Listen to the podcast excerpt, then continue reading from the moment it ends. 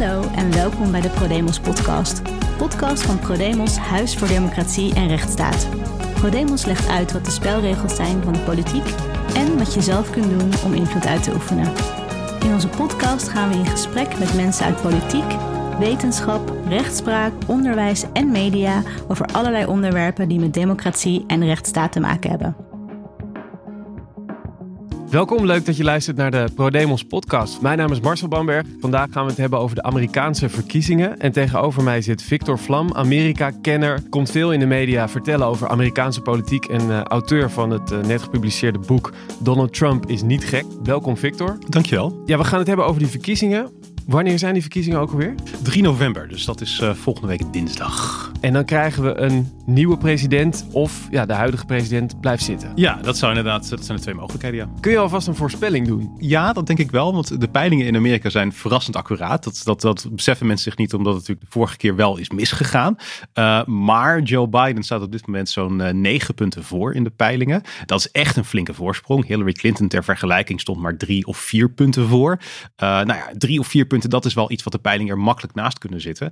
negen punten is wat moeilijker. Dus tenzij er nog iets groots gebeurt, denk ik wel dat je moet zeggen dat Joe Biden gewoon de echte absolute favoriet is. Dus dat is jouw verwachting. En ja. volgens mij was het de vorige verkiezingen ook zo dat dat heel erg fluctueerde. Dit keer is het vrij uh, stevig ja, je ziet dat hij consistent eigenlijk uh, sinds het einde van de voorverkiezingen in maart zie je dat uh, Joe Biden altijd heeft uh, voorgestaan. en dat was echt anders. Hillary Clinton stond op sommige momenten ook achter op Trump. En op twee momenten namelijk tijdens de campagne. Dus hij heeft constant voorgestaan en eigenlijk altijd wel met minstens drie punten. En meestal zo rond de acht punten. Dus dat is ook echt wel een consistente flinke voorsprong. Jouw boek heet Donald Trump is niet gek. Ja.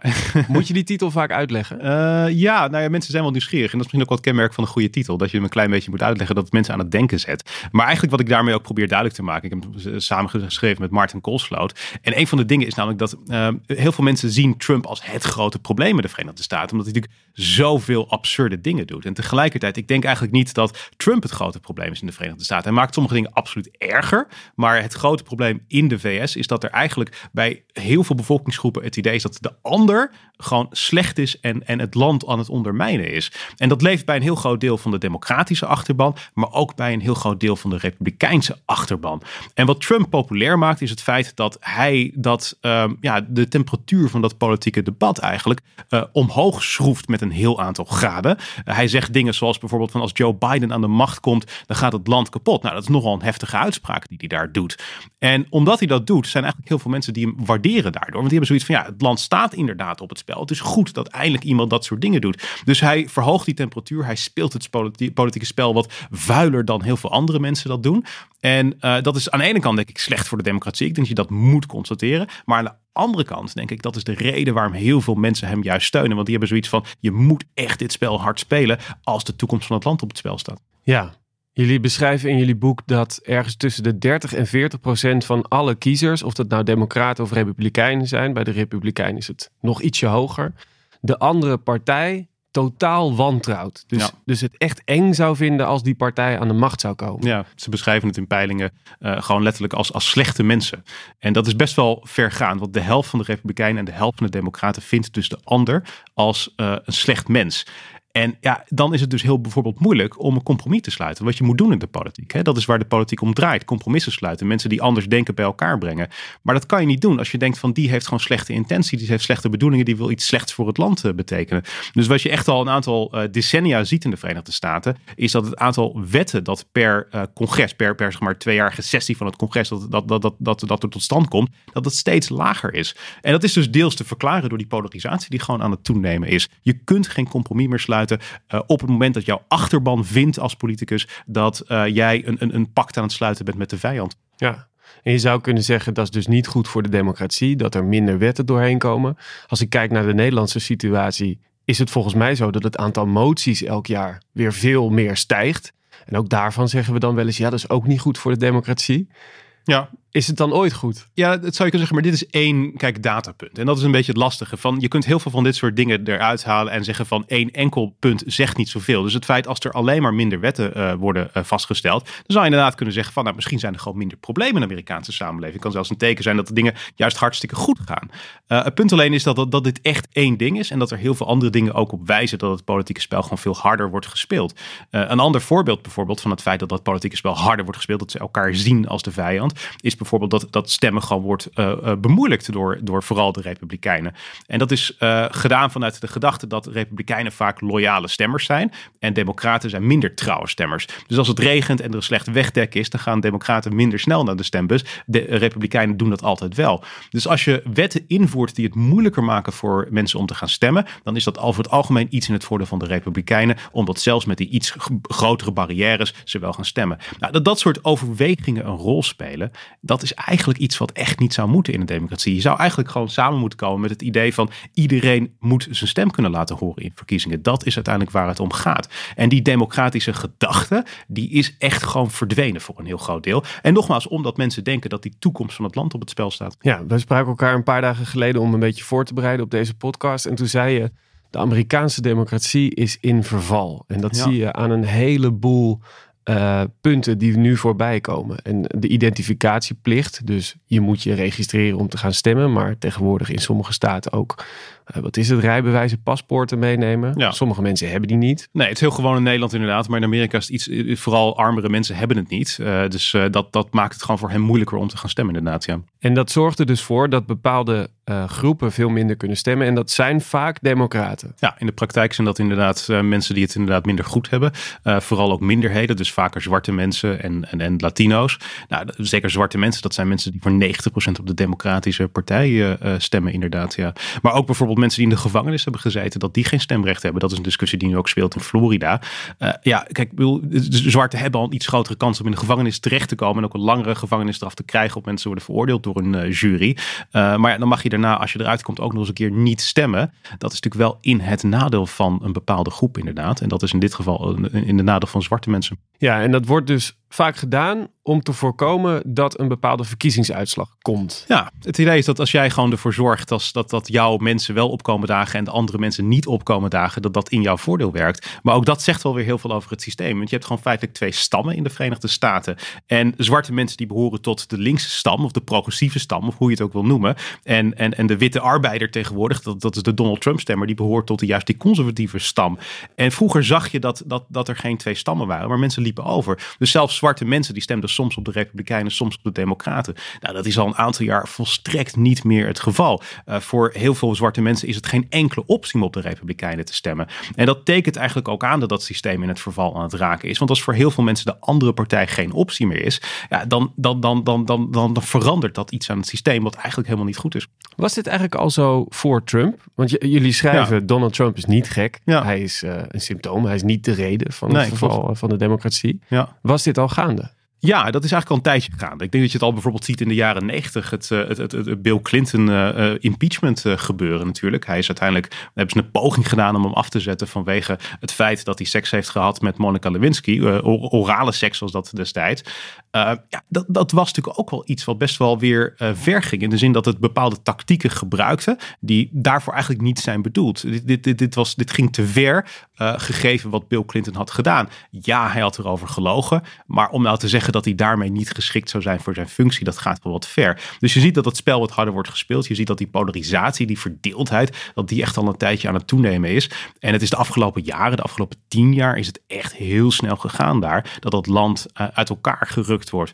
En ik denk wat ook wel belangrijk is voor ons om in Nederland af en toe te begrijpen is, want wij hebben altijd een beetje de neiging om te zeggen van de democraten, die, die zijn een soort van redelijke midden. Uh, dat zijn de mensen die alle goede bedoelingen hebben. Ik denk dat ze zeker anders zijn in de Republikeinen. De Republikeinen zijn er verder in gegaan in het verleden. Maar je ziet dat ook nu de Democraten daar echt gewoon weer een stapje verder in aan het gaan zijn. Dat die ook aan het radicaliseren zijn. Uh, Nancy Pelosi zagen we bijvoorbeeld eerder dit jaar dat zij op een gegeven moment na de State of the Union van, van Donald Trump, dat zij letterlijk die speech van hem daar gewoon verscheurde. Ja, dat is ook wel echt gewoon bizar hoor. Dat is niet normaal om dat uh, te doen. Zeker niet op dat belangrijke moment van de State of the Union. Kamala Harris noemde op de Democratische Conventie Donald Trump een, roofdier. Ook in, in de context van uh, dat, dat, dat, dat hij seksueel delicten zou hebben gepleegd. Ja, ik vind dat ook heel erg ver gaan hoor. Om dat gewoon in een speech even terloops te zeggen. Hij is een roofdier. Dus ook de, de Democratische Partij is daar echt in een opschuiven. Het is ook niet meer een, een, zeg maar een redelijke middenpartij. In de zin dat het nu echt ook links is. Bernie Sanders is net zo links als de SP. Dus je ziet dat die partijen ook echt weer naar, naar hun kamp aan het toeschuiven zijn. En ja, ik denk dat dat erg begrijpelijk is. Want Donald Trump is natuurlijk zo'n bedreiging voor, voor die partij. En ze willen zich daar tegen afzetten. Dat is de reden waarom het gebeurt. Maar aan de andere kant, je ziet ook dat het weer slecht is voor de democratie. Want die twee kampen, die, die, ja, die, die scheidslijn daartussen, die wordt alleen maar duidelijker en groter. Je noemde al uh, de identificatieplicht om te voorkomen dat bepaalde groepen uh, kunnen stemmen. Nou, bijvoorbeeld het niet laten stemmen van mensen die vast hebben gezeten, uh, is een voorbeeld van, van manieren om mensen minder te laten stemmen. Ja. Wat ook een groot thema was en misschien wel is, is de mail-in voting. Ja. Kennen wij in Nederland niet zo. Wat, wat is dat überhaupt? Hoe moeten we dat voor ons zien? Nou, in een aantal staten, het wordt al een tijdje gedaan, maar dit jaar veel vaker vanwege corona, uh, wordt er per post uh, gestemd. Um, het is vooral nu iets wat heel erg veel ingevoerd wordt. En uh, nu is de verwachting dat ongeveer twee derde van alle kiezers al gestemd hebben voor de dag van de verkiezingen. Zodat ze niet in rijen hoeven te staan voor een kieslokaal. Uh, dat ze daar misschien niet andere mensen gaan besmetten. Want die vrijwilligers die in de kieslokalen zijn, dat zijn vaak de oudere mensen en dergelijke. Nou ja, dat, dat is toch niet helemaal corona-proof. Dus als je per post stemt, kun je het stembiljet van tevoren dan al indienen. En dan hoef je het alleen maar even uh, af te droppen. Dus je zou kunnen zeggen, hey, dat lijkt ons heel handig om te doen in ja. tijden van een pandemie. Ja, exact. Ja. Dit is wat Trump erover zei bij uh, Fox. President Trump upped the ante in his battle against mail in voting today. He appeared to say the quiet part out loud, telling Fox News why he opposes a funding boost for the U.S. Postal Service. They want three and a half trillion uh, billion dollars for the mail-in votes. Okay, universal mail-in ballots. Three and a half trillion. They want twenty-five billion dollars, billion for the post office. Now they need that money in order to have the post office work so it can take all of these millions and millions of ballots. But if they don't get those two items, that means you can't have universal mail-in voting. Wat betekent dit eigenlijk voor die verkiezingen? Nou, ten eerste is wel opmerkelijk dat hij gewoon letterlijk het deel uh, zegt wat hij normaal gesproken, wat Republikeinen normaal gewoon ook niet zeggen. Dat is dat hij gewoon letterlijk bijna toegeeft dat feitelijk deze tactiek gehand, gehandhaafd wordt om het kiezers zo moeilijk mogelijk te maken om te gaan stemmen. Uh, dat zeggen de meeste Republikeinen niet hardop, maar Donald Trump wel. Uh, maar ja, wat het betekent is dat, dat, dat de president eigenlijk vanaf het begin af aan een strategie heeft gevoerd om dat te beperken, dat, dat stemmen per post. En dat is wederom vanuit dezelfde gedachte dat als het makkelijker is om te stemmen, is dat slecht voor de Republikeinse partij. Uh, en dus dat betekent dat, dat letterlijk onder het mom van bezuinigingen op uh, de postdienst. Dat ervoor werd gezorgd dat de brievenbussen werden weggehaald, bijvoorbeeld. Uh, dat, dat, dat er bepaalde, nou ja, zeg maar, mensen bij die, die er werkten, dat ze geen overtime betaald kregen, waardoor het langer kan duren voordat post aankomt. En dat sommige stembiljetten dus niet meer op tijd aankomen. Dus hele praktische, um, um, zeg maar, hervormingen zijn daar doorgevoerd. Met als doel eigenlijk om te zorgen dat het moeilijker wordt om per post uh, te stemmen. Ja, maar hij zegt, nou, dit is ook een manier om fraude tegen te gaan. En fraude is ja. een belangrijk thema voor hem in die verkiezingen. Ja, en fraude, ik bedoel, kiezersfraude wil je ook inderdaad tegengaan. Dus ergens is het, begrijp ik dat hij met dat argument aankomt. Alleen het enige lastige daarbij is dat er niet per se heel veel kiezersfraude is geweest in de Verenigde Staten in het verleden. Dus sommige staten die stemmen al een aantal jaar. Er zijn een stuk of, ik geloof dat er drie staten zijn die al volledig per post uh, stemmen. Die dat in het verleden ook al deden, dus in voor coronatijd. Ja. En eigenlijk uh, is er nauwelijks sprake van stemfraude. Dus dit is meer iets wat een klein beetje wordt opgevoerd als iets wat ze willen tegengaan zonder dat dat nou echt een heel concreet probleem is. Meer een hypothetisch probleem. Ja, ik las uh, in onderzoek van de Washington Post 31 gevallen tussen 2001 en 2014. Ja, ja. op een miljard stemmen. Exact, ja. Dus dat is echt inderdaad heel weinig, inderdaad, ja. ja. Dat is verwaarloosbaar, en, ja. maar hij, hij blijft dat wel zeggen. Hoe, hoe is nu de status? Want dit is van een tijdje geleden. Ja, een aantal hervormingen op het, de, de postdienst, die zijn ook weer teruggedraaid. Dus dat is onder druk geweest van de rechter. Die heeft gezegd, ja, dit moet echt even wachten. Dus uh, de, de man die daar uh, de, de, de postdienst runt, die heeft gezegd van oké, okay, we gaan dit in ieder geval uitstellen tot na de verkiezingen. Uh, dus dat heeft in ieder geval een heel aantal democraten een klein beetje gerustgesteld. Uh, wat niet wegneemt dat er zeker ook nog wel zorgen zijn. Want sommige bezuinigingen blijken niet of sommige hervormingen blijken niet zo makkelijk terug te draaien te zijn. Dus dat is nog zeker wel een issue. Kan zeker gaan spelen. Uh, zeker als er heel veel stembiljetten bijvoorbeeld te laat binnenkomen. Nou, dan kan ik me voorstellen dat we hier wel degelijk nog wat over horen. Maar de grootste angst is in ieder geval daarmee weggenomen door uh, die druk van de rechter. Iets anders wat een belangrijke rol kan spelen in, in het kiezen van een nieuwe president vanwege het winner takes all systeem. Degene die de meeste stemmen krijgt in een bepaalde staat krijgt ook al de kiesmannen die daar aan verbonden zijn. Dus de hele staat is dan rood of blauw. Dat is gerrymandering. Ja, Kun je uitleggen wat dat is? Ja, het is een hele complexe term direct. Maar het is eigenlijk iets wat heel uh, eenvoudig is. Want het komt erop neer dat niet uh, kiezers hun politicus kiezen, maar dat politici hun eigen kiezers kiezen. En wat ze doen is dat in zo'n staat tekenen ze een aantal kiesdistricten. Stel dat jij in een staat genoeg mensen hebt om vijf kiesdistricten te, te, zeg maar te tekenen. Dan mag de partij die aan de macht is, die kiesdistricten zelf tekenen. En wat doen ze nou? Ze weten dat zwarte kiezers bijvoorbeeld, dat die overwegend democratisch stemmen. Dus als jij de Republikeinse partij bent, dan is het logisch om alle zwarte kiezers in één district te hebben. Zelfs als het daardoor een hele gekke vorm krijgt. Dus daarom heet het gerrymandering. Het woord is afgeleid van onder andere salamander. Dus dat het een beetje de vorm krijgt van een heel gek dier. Dat er geen enkele logica meer in zit. Maar dan heb je alle zwarte in één district. Dat is dan een super democratisch district. Maar dan de overige vier districten, die zijn heel makkelijk te winnen door de Republikeinse partij. Dus dan heb je altijd vier safe districten als Republikeinse partij. Terwijl je misschien anders als het gewoon eerlijk verdeeld was, als het gewoon willekeurig zou zijn getekend, dan zou het misschien nog heel erg twijfelachtig zijn. Dan zou je misschien bijvoorbeeld maar twee of drie districten kunnen winnen bij een verkiezingen. Dus dat is feitelijk het spel wat gespeeld wordt. En op dit moment is het zo, beide partijen doen dit, moet ik er overigens wel bij zeggen. De Republikeinen hebben het in 2010, toen die districten voor het laatst zijn getekend, uh, nou, behoorlijk intensief gedaan. Op dit moment is het zo dat uh, uh, de Republikeinse partij letterlijk 3% meer stemmen of minder stemmen kan krijgen en toch een gelijk aantal zetels kan behalen in het Huis van Afgevaardigden. Nou, dat is best wel scheef natuurlijk, die verhoudingen. Ja, ik, ik weet dat toen uh, Hillary Clinton verloor van uh, Donald Trump, was uh, de popular vote, dus het aantal stemmen Ja. reëel voor haar, was, was veel hoger. Ja. Had dat hiermee te maken? Nee, dat had weer, nou niet, dat, indirect had het ermee te maken inderdaad. Maar dat is weer het andere, kiescollege, wat daar ook nog weer een uh, rol speelt. Uh, het heeft een klein beetje zijdelings mee te maken, maar dan wordt het allemaal direct heel erg complex inderdaad. Maar je ziet wel dat eigenlijk de Republikeinse partij een, een partij is die de minderheid van de stemmen heeft gekregen in het Huis van Afgevaardigden, in de Senaat en voor het Witte Huis en tegelijkertijd toch al die drie in zijn bezit zou kunnen krijgen. En dat is natuurlijk iets wat heel gek is. Hè? Dus dat, dat is eigenlijk een situatie die je in een democratie niet zou moeten terugzien. Je zou kunnen zeggen, ja, dit is nu eenmaal het systeem. Zo werkt het. Maar trekken ze die lijntjes voor de verkiezingen of na de verkiezingen? Ze worden elke tien jaar getekend na de census. Maar dat betekent dus dat uh, ze in 2010 voor het laatst zijn getekend. Want toen was de vorige census. De huidige census die loopt nu. Dat is de volkstelling eigenlijk. Ja. Uh, dat betekent dat ze wel na die verkiezingen worden getekend. Maar er zijn altijd elke twee jaar gewoon weer verkiezingen in de Verenigde Staten.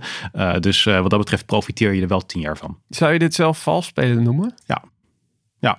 Want onder, onder geen nou ja, ik kan me niet voorstellen dat dat in Nederland ooit op die manier zouden doen, toch? Nee, nee, zeker niet. Nee, maar weet je wat het is? Kijk, het mag volgens de grondwet officieel wel. Dus er staat nergens dat het niet mag. En daarom is dat ook het argument van de Republikeinen. En nogmaals, de Democraten doen het overigens ook wel hoor. Dus dat is wel een terechtpunt om dat hierbij aan te merken. Ja. Maar het punt is dat het is misschien volgens de letter van de grondwet toegestaan. Het is niet volgens de geest van de grondwet toegestaan. En dat zie je dus heel sterk in Amerika gebeuren. Dat de letter van de grondwet, die wordt over het algemeen wel nageleefd, maar de geest niet. En die geest is natuurlijk zoveel malen belangrijker. Want je kunt niet alles in een grondwet neerzetten. Dat is gewoon echt gods onmogelijk. Omdat je dan een grondwet zou hebben van 500 pagina's. En die zou waarschijnlijk twee jaar later alweer gedateerd zijn en ingehaald door technologische ontwikkelingen. Dus je gaat ervan uit dat toekomstige generaties die grondwet interpreteren op een manier uh, die in de geest is van hoe dat document is opgeschreven. En dat gebeurt niet. Want het is niet de bedoeling dat de partij die aan de macht is kiesdistricten tekent op de manier dat het hen uitkomt. Dat is gewoon nooit de bedoeling geweest. Nou gaan de Amerikanen er best wel prat op dat ze de oudste democratie van de wereld zouden zijn. En uh, ja, zijn er heel trots op. Daar zijn ze trots op. Nu zeg jij, die democratie is in verval. Ja. En dat is niet uh, uh, alleen door Trump. Misschien dat het een katalysator is en dat er bepaalde facetten bij zijn gekomen, maar dat Ja. was al gaande. Waarom? Waar komt dit vandaan? Ik denk dat het vandaan komt van het feit dat die verdeeldheid in die samenleving daar heel erg is toegenomen de afgelopen jaren. Dus waar we het in het begin over hadden, dat we aan de ene kant zien dat die partijen elkaar constant zien als de vijand. En dan is de vraag van waar komt die verdeeldheid dan weer vandaan? Want dat is natuurlijk ook wel de grote vraag. Mm dat ontstaat ook niet zomaar. En dat is denk ik een interessantere vraag. En ik moet heel eerlijk zeggen, dat is een moeilijk antwoord om te geven. Want dat is ook direct een antwoord op de vraag van hoe kun je het oplossen? Want als je weet hoe het gekomen is, dan kan je ook kijken van hoe je het op kan lossen. En dat is eigenlijk waar niemand een goed antwoord op heeft. Je ziet dat die partijen uit elkaar getrokken zijn. En dat mensen uh, om, zeg maar wel niet meer met elkaar leven, maar dat ze een beetje langs elkaar heen leven. Maar je ziet een aantal dingen die echt al heel erg eh, lang het geval zijn. En dat is dat republikeinen en democraten en mensen die tot die partijen, tot die stammen als het ware behoren, niet meer met elkaar in aanraking komen. Dat is een van de grote problemen die speelt. Dat zie je natuurlijk op social media. Je volgt waarschijnlijk de mensen op Twitter die nou ja, het met jou eens zijn waarschijnlijk. Er zijn heel weinig mensen die echt andere mensen met een andere mening gaan opzoeken. Maar daardoor word je wel steeds bevestigd in jouw mening. En daardoor kan je ook gaan radicaliseren in jouw mening. Uh, je ziet het zelfs, er is een boek over geschreven dat heet The Big Sort in de Verenigde Staten. En dat laat zien dat mensen gewoon in wijken gaan wonen waar andere mensen zoals hen wonen. Dus onbewust hebben Amerikanen zoiets van als er een kerk staat, is het een conservatieve wijk. Dan is het een wijk waar ik als republikein wil wonen. Als er daarentegen een yoga studio staat, dan is het meer een democratische wijk. Dan wil ik er als democraat gaan wonen. Dus dat is ook een soort van trend die je daar ziet ontstaan, waardoor mensen dus alleen maar in aanraking komen met hun eigen mening. En het effect daarvan is dat eigenlijk gewoon republikeinen en democraten geen enkel besef meer hebben van wat de ander is, wie de ander is. En ook dat, dat er geen enkele empathie meer is naar elkaar toe. En ik denk dat dat echt een heel groot probleem is, want dat heb je nodig. Je hebt solidariteit naar de ander nodig in, in, eh, zeg maar in een democratie. En ik merk het ook in Nederland hoor, want na de verkiezingen van Donald Trump waren er echt een aantal van mijn vrienden die dan tegen mij zeiden van Donald Trump, dat is toch vreselijk? Moet het kiescollege niet ingrijpen? Moeten zij niet zeggen van, ja, Donald Trump heeft misschien volgens de regels gewonnen, maar hier mag je ingrijpen. Hillary Clinton uh, uh, moet toch als winnaar worden aangewezen.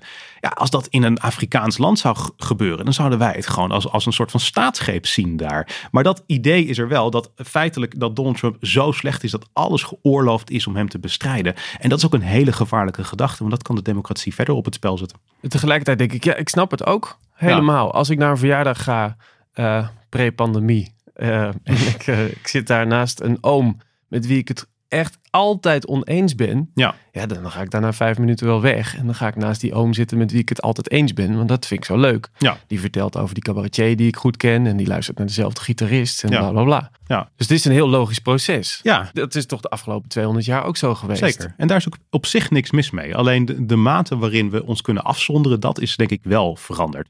Uh, je ziet in de Amerikaanse media ook. Republikeinen die kijken bijna exclusief Fox News. Dus dat is echt een hele rechtse nieuwszender geworden.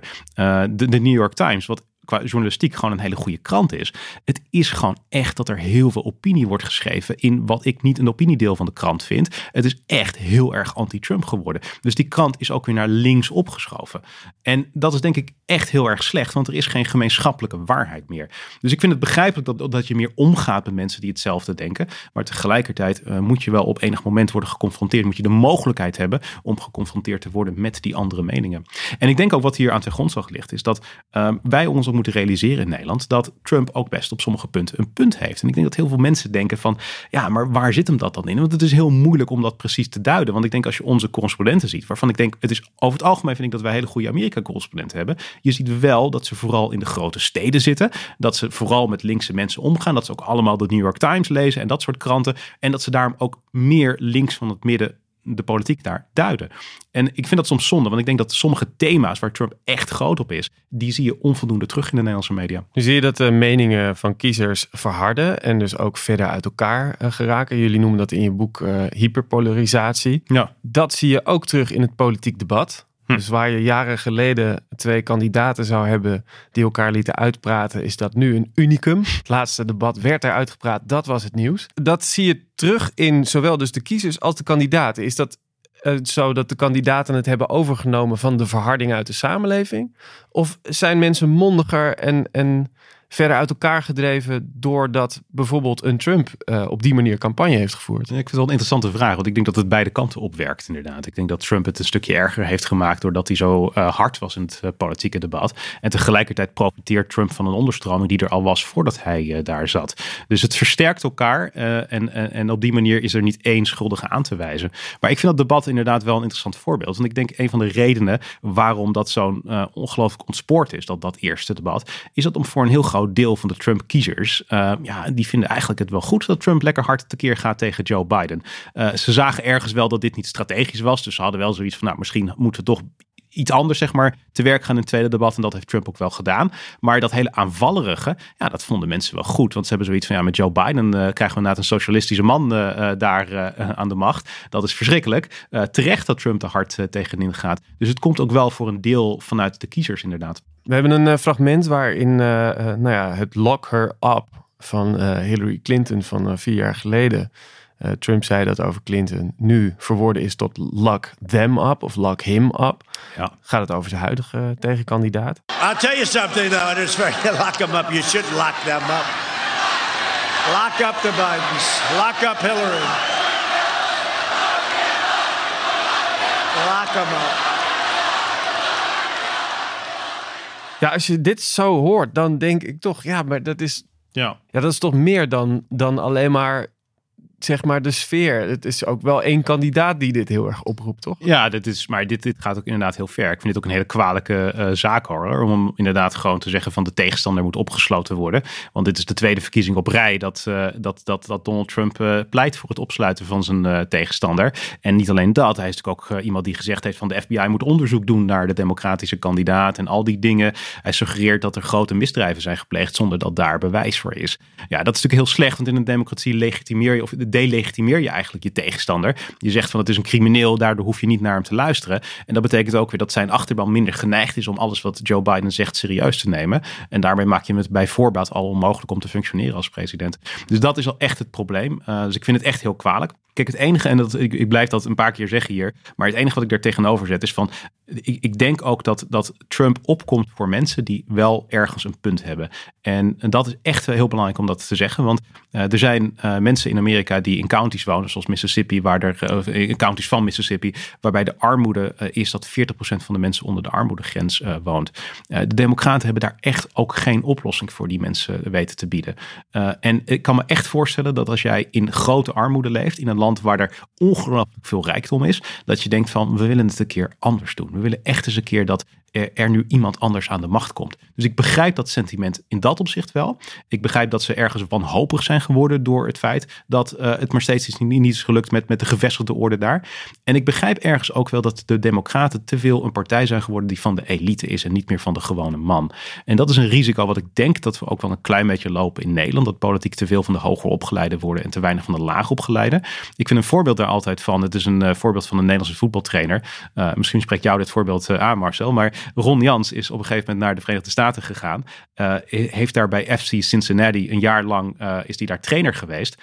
En op een gegeven moment heeft hij een hip-hop liedje meegezongen. Twee regels in de kleedkamer, omdat hij gewoon uh, daar nou ja, in alle blijdschap daar vrolijk was. En in die twee regels zat helaas het befaamde N-woord. Nou, dat heeft hij meegezongen tikkeltje onhandig natuurlijk. Maar vervolgens zie je direct dat er een hele grote ophef is in Cincinnati. Uh, er is direct dat de club een onderzoek aankondigt. En hij moet uiteindelijk daar gewoon ontslag nemen. Omdat het, ja, hij wordt gebrandmerkt als racist. En ik vind dat tekenend voor die overdreven politieke correctheid die er is in de Verenigde Staten. Want ik denk dat je veel kunt zeggen. Ik denk niet dat hij het gedaan heeft omdat hij racist was. Ik denk dat hij daar een klein foutje maakte. En dan zou ik denken dat als je excuses daarvoor aanbiedt. Voor het niet gevoelig genoeg zijn voor de zwarte mensen en hun cultuur en dat soort dingen. Nou, dan, dan moet je er volgens mij van af kunnen komen. Maar nee, hij werd daar echt neergezet als racist. En dat gebeurt heel veel mensen in de Verenigde Staten. En het overkomt lager opgeleide vaker dan hoger opgeleide. Omdat hoger opgeleide over het algemeen uh, werk doen waar ze met taal bezig zijn. Journalisten bij uitstek zijn constant bezig met taal. Dus het overkomt je niet zo vaak dat je een fout woord gebruikt. Maar als jij iemand bent die praktisch werk heeft, dan is het niet jouw taak. Dan heb je ook niet de tijd om uh, zeg maar, uh, je, je te verdiepen in welke woorden je precies moet gebruiken. Dus je maakt een fout veel sneller. En uh, ja, dat betekent dat, dat, dat, dat jij gewoon gebrandmerkt wordt als racist of homofoob of weet ik veel wat, als seksist. En dan verlies je vrienden, je verliest misschien je baan. Ik kan me echt voorstellen dat je dan iemand uh, uh, graag wil hebben als president die daar tegenin gaat. En dat is voor een deel ook Trump geweest. Al die botte opmerkingen van hem de hele tijd. Dat is echt iets wat heel veel mensen juist echt fantastisch vonden. Want hij gaat in tegen die cultuur van politieke correctheid. Die zij echt gewoon veel te ver vinden gaan in de Verenigde Staten. Ja, en waar veel Europese journalisten verrast en dachten: oh, hij vliegt uit de bocht, was het waarschijnlijk tactiek. En ook een manier om. Uh... Nou, ik denk eigenlijk dat uh, Trump, volgens mij is het niet eens tactiek bij Trump. Ik denk dat er heel veel dingen die, die zijn niet doordacht van Trump. Ik denk dat dingen, uh, Trump doet gewoon dingen vanuit zijn intuïtie. Maar het spreekt mensen aan. En ergens is dat, vind ik overigens ook wel weer te prijzen. ik ben zeker overigens geen pleitbezorger van Trump, laat dat duidelijk zijn. Maar ik vind ergens te prijzen dat hij niet per se over al zijn woorden heel erg nadenkt. Maar dat hij ook gewoon vanuit zijn intuïtie daarmee handelt. En dus ergens authentiek is. Heel veel politici die hebben wel geleerd hoe ze eigenlijk gewoon de kiezer moeten bedonderen door dingen te zeggen die ze niet helemaal menen, maar waarvan ze wel weten dat valt goed bij sommige mensen. Trump zegt vaak gewoon wat hij ergens vindt. En dat zijn soms inderdaad bizarre uitspraken. Ik bedoel, de meest bizarre vind ik altijd nog over Ivanka. Uh, als ze niet mijn dochter was, zou ik met haar daten. Nou, ik zou denken dat zijn dingen die ik liever niet zou zeggen. Maar goed, hij doet het wel.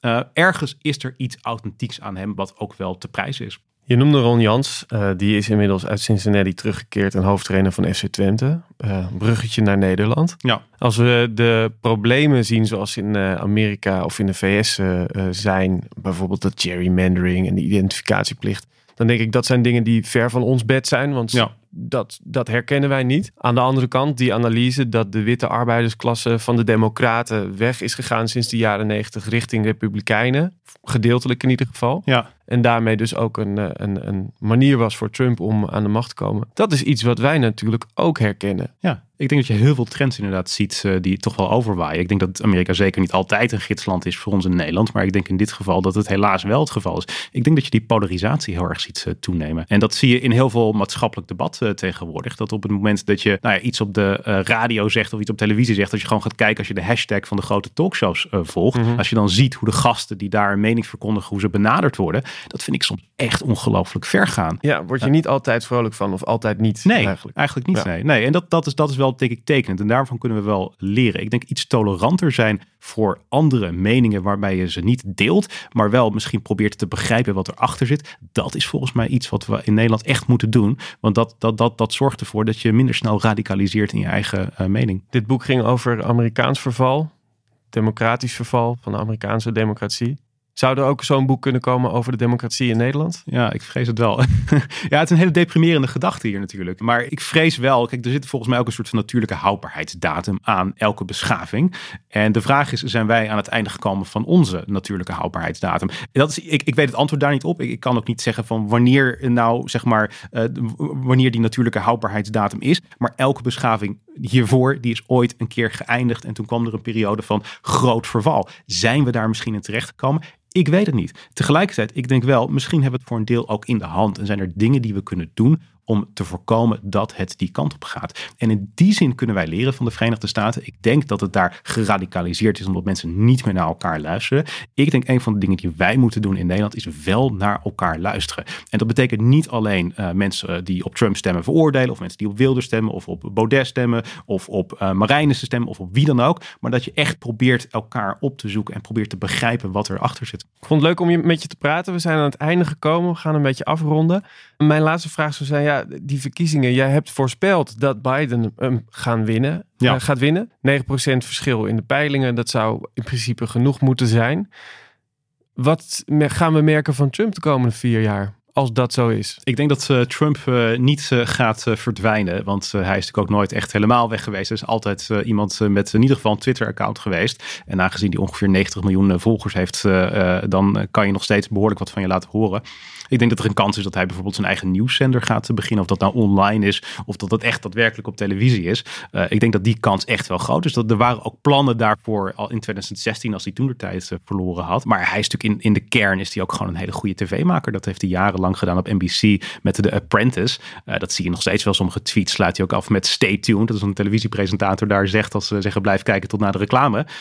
Dus ik denk dat hij niet gaat verdwijnen. Ik denk dat hij veel van zich gaat laten horen. En de vraag is ook in welke mate de Republikeinse Partij zijn gedachtegoed nog blijft uh, ondersteunen. Gaan zij juist verder op de Trump-manier of gaan ze er afscheid van? Weet ik oprecht niet, kan ik niet voorspellen. Vind ik een interessante vraag voor in ieder geval de komende paar jaar. Dankjewel. Graag gedaan. Voordat we er vandoor gaan, willen we graag nog een paar mensen bedanken voor hun hulp bij het maken van deze podcast. Daniel van der Poppen voor de audio, Tom Sikkers voor de muziek en Marciano Lansu voor de vormgeving. En jij bedankt voor het luisteren. Tot de volgende keer.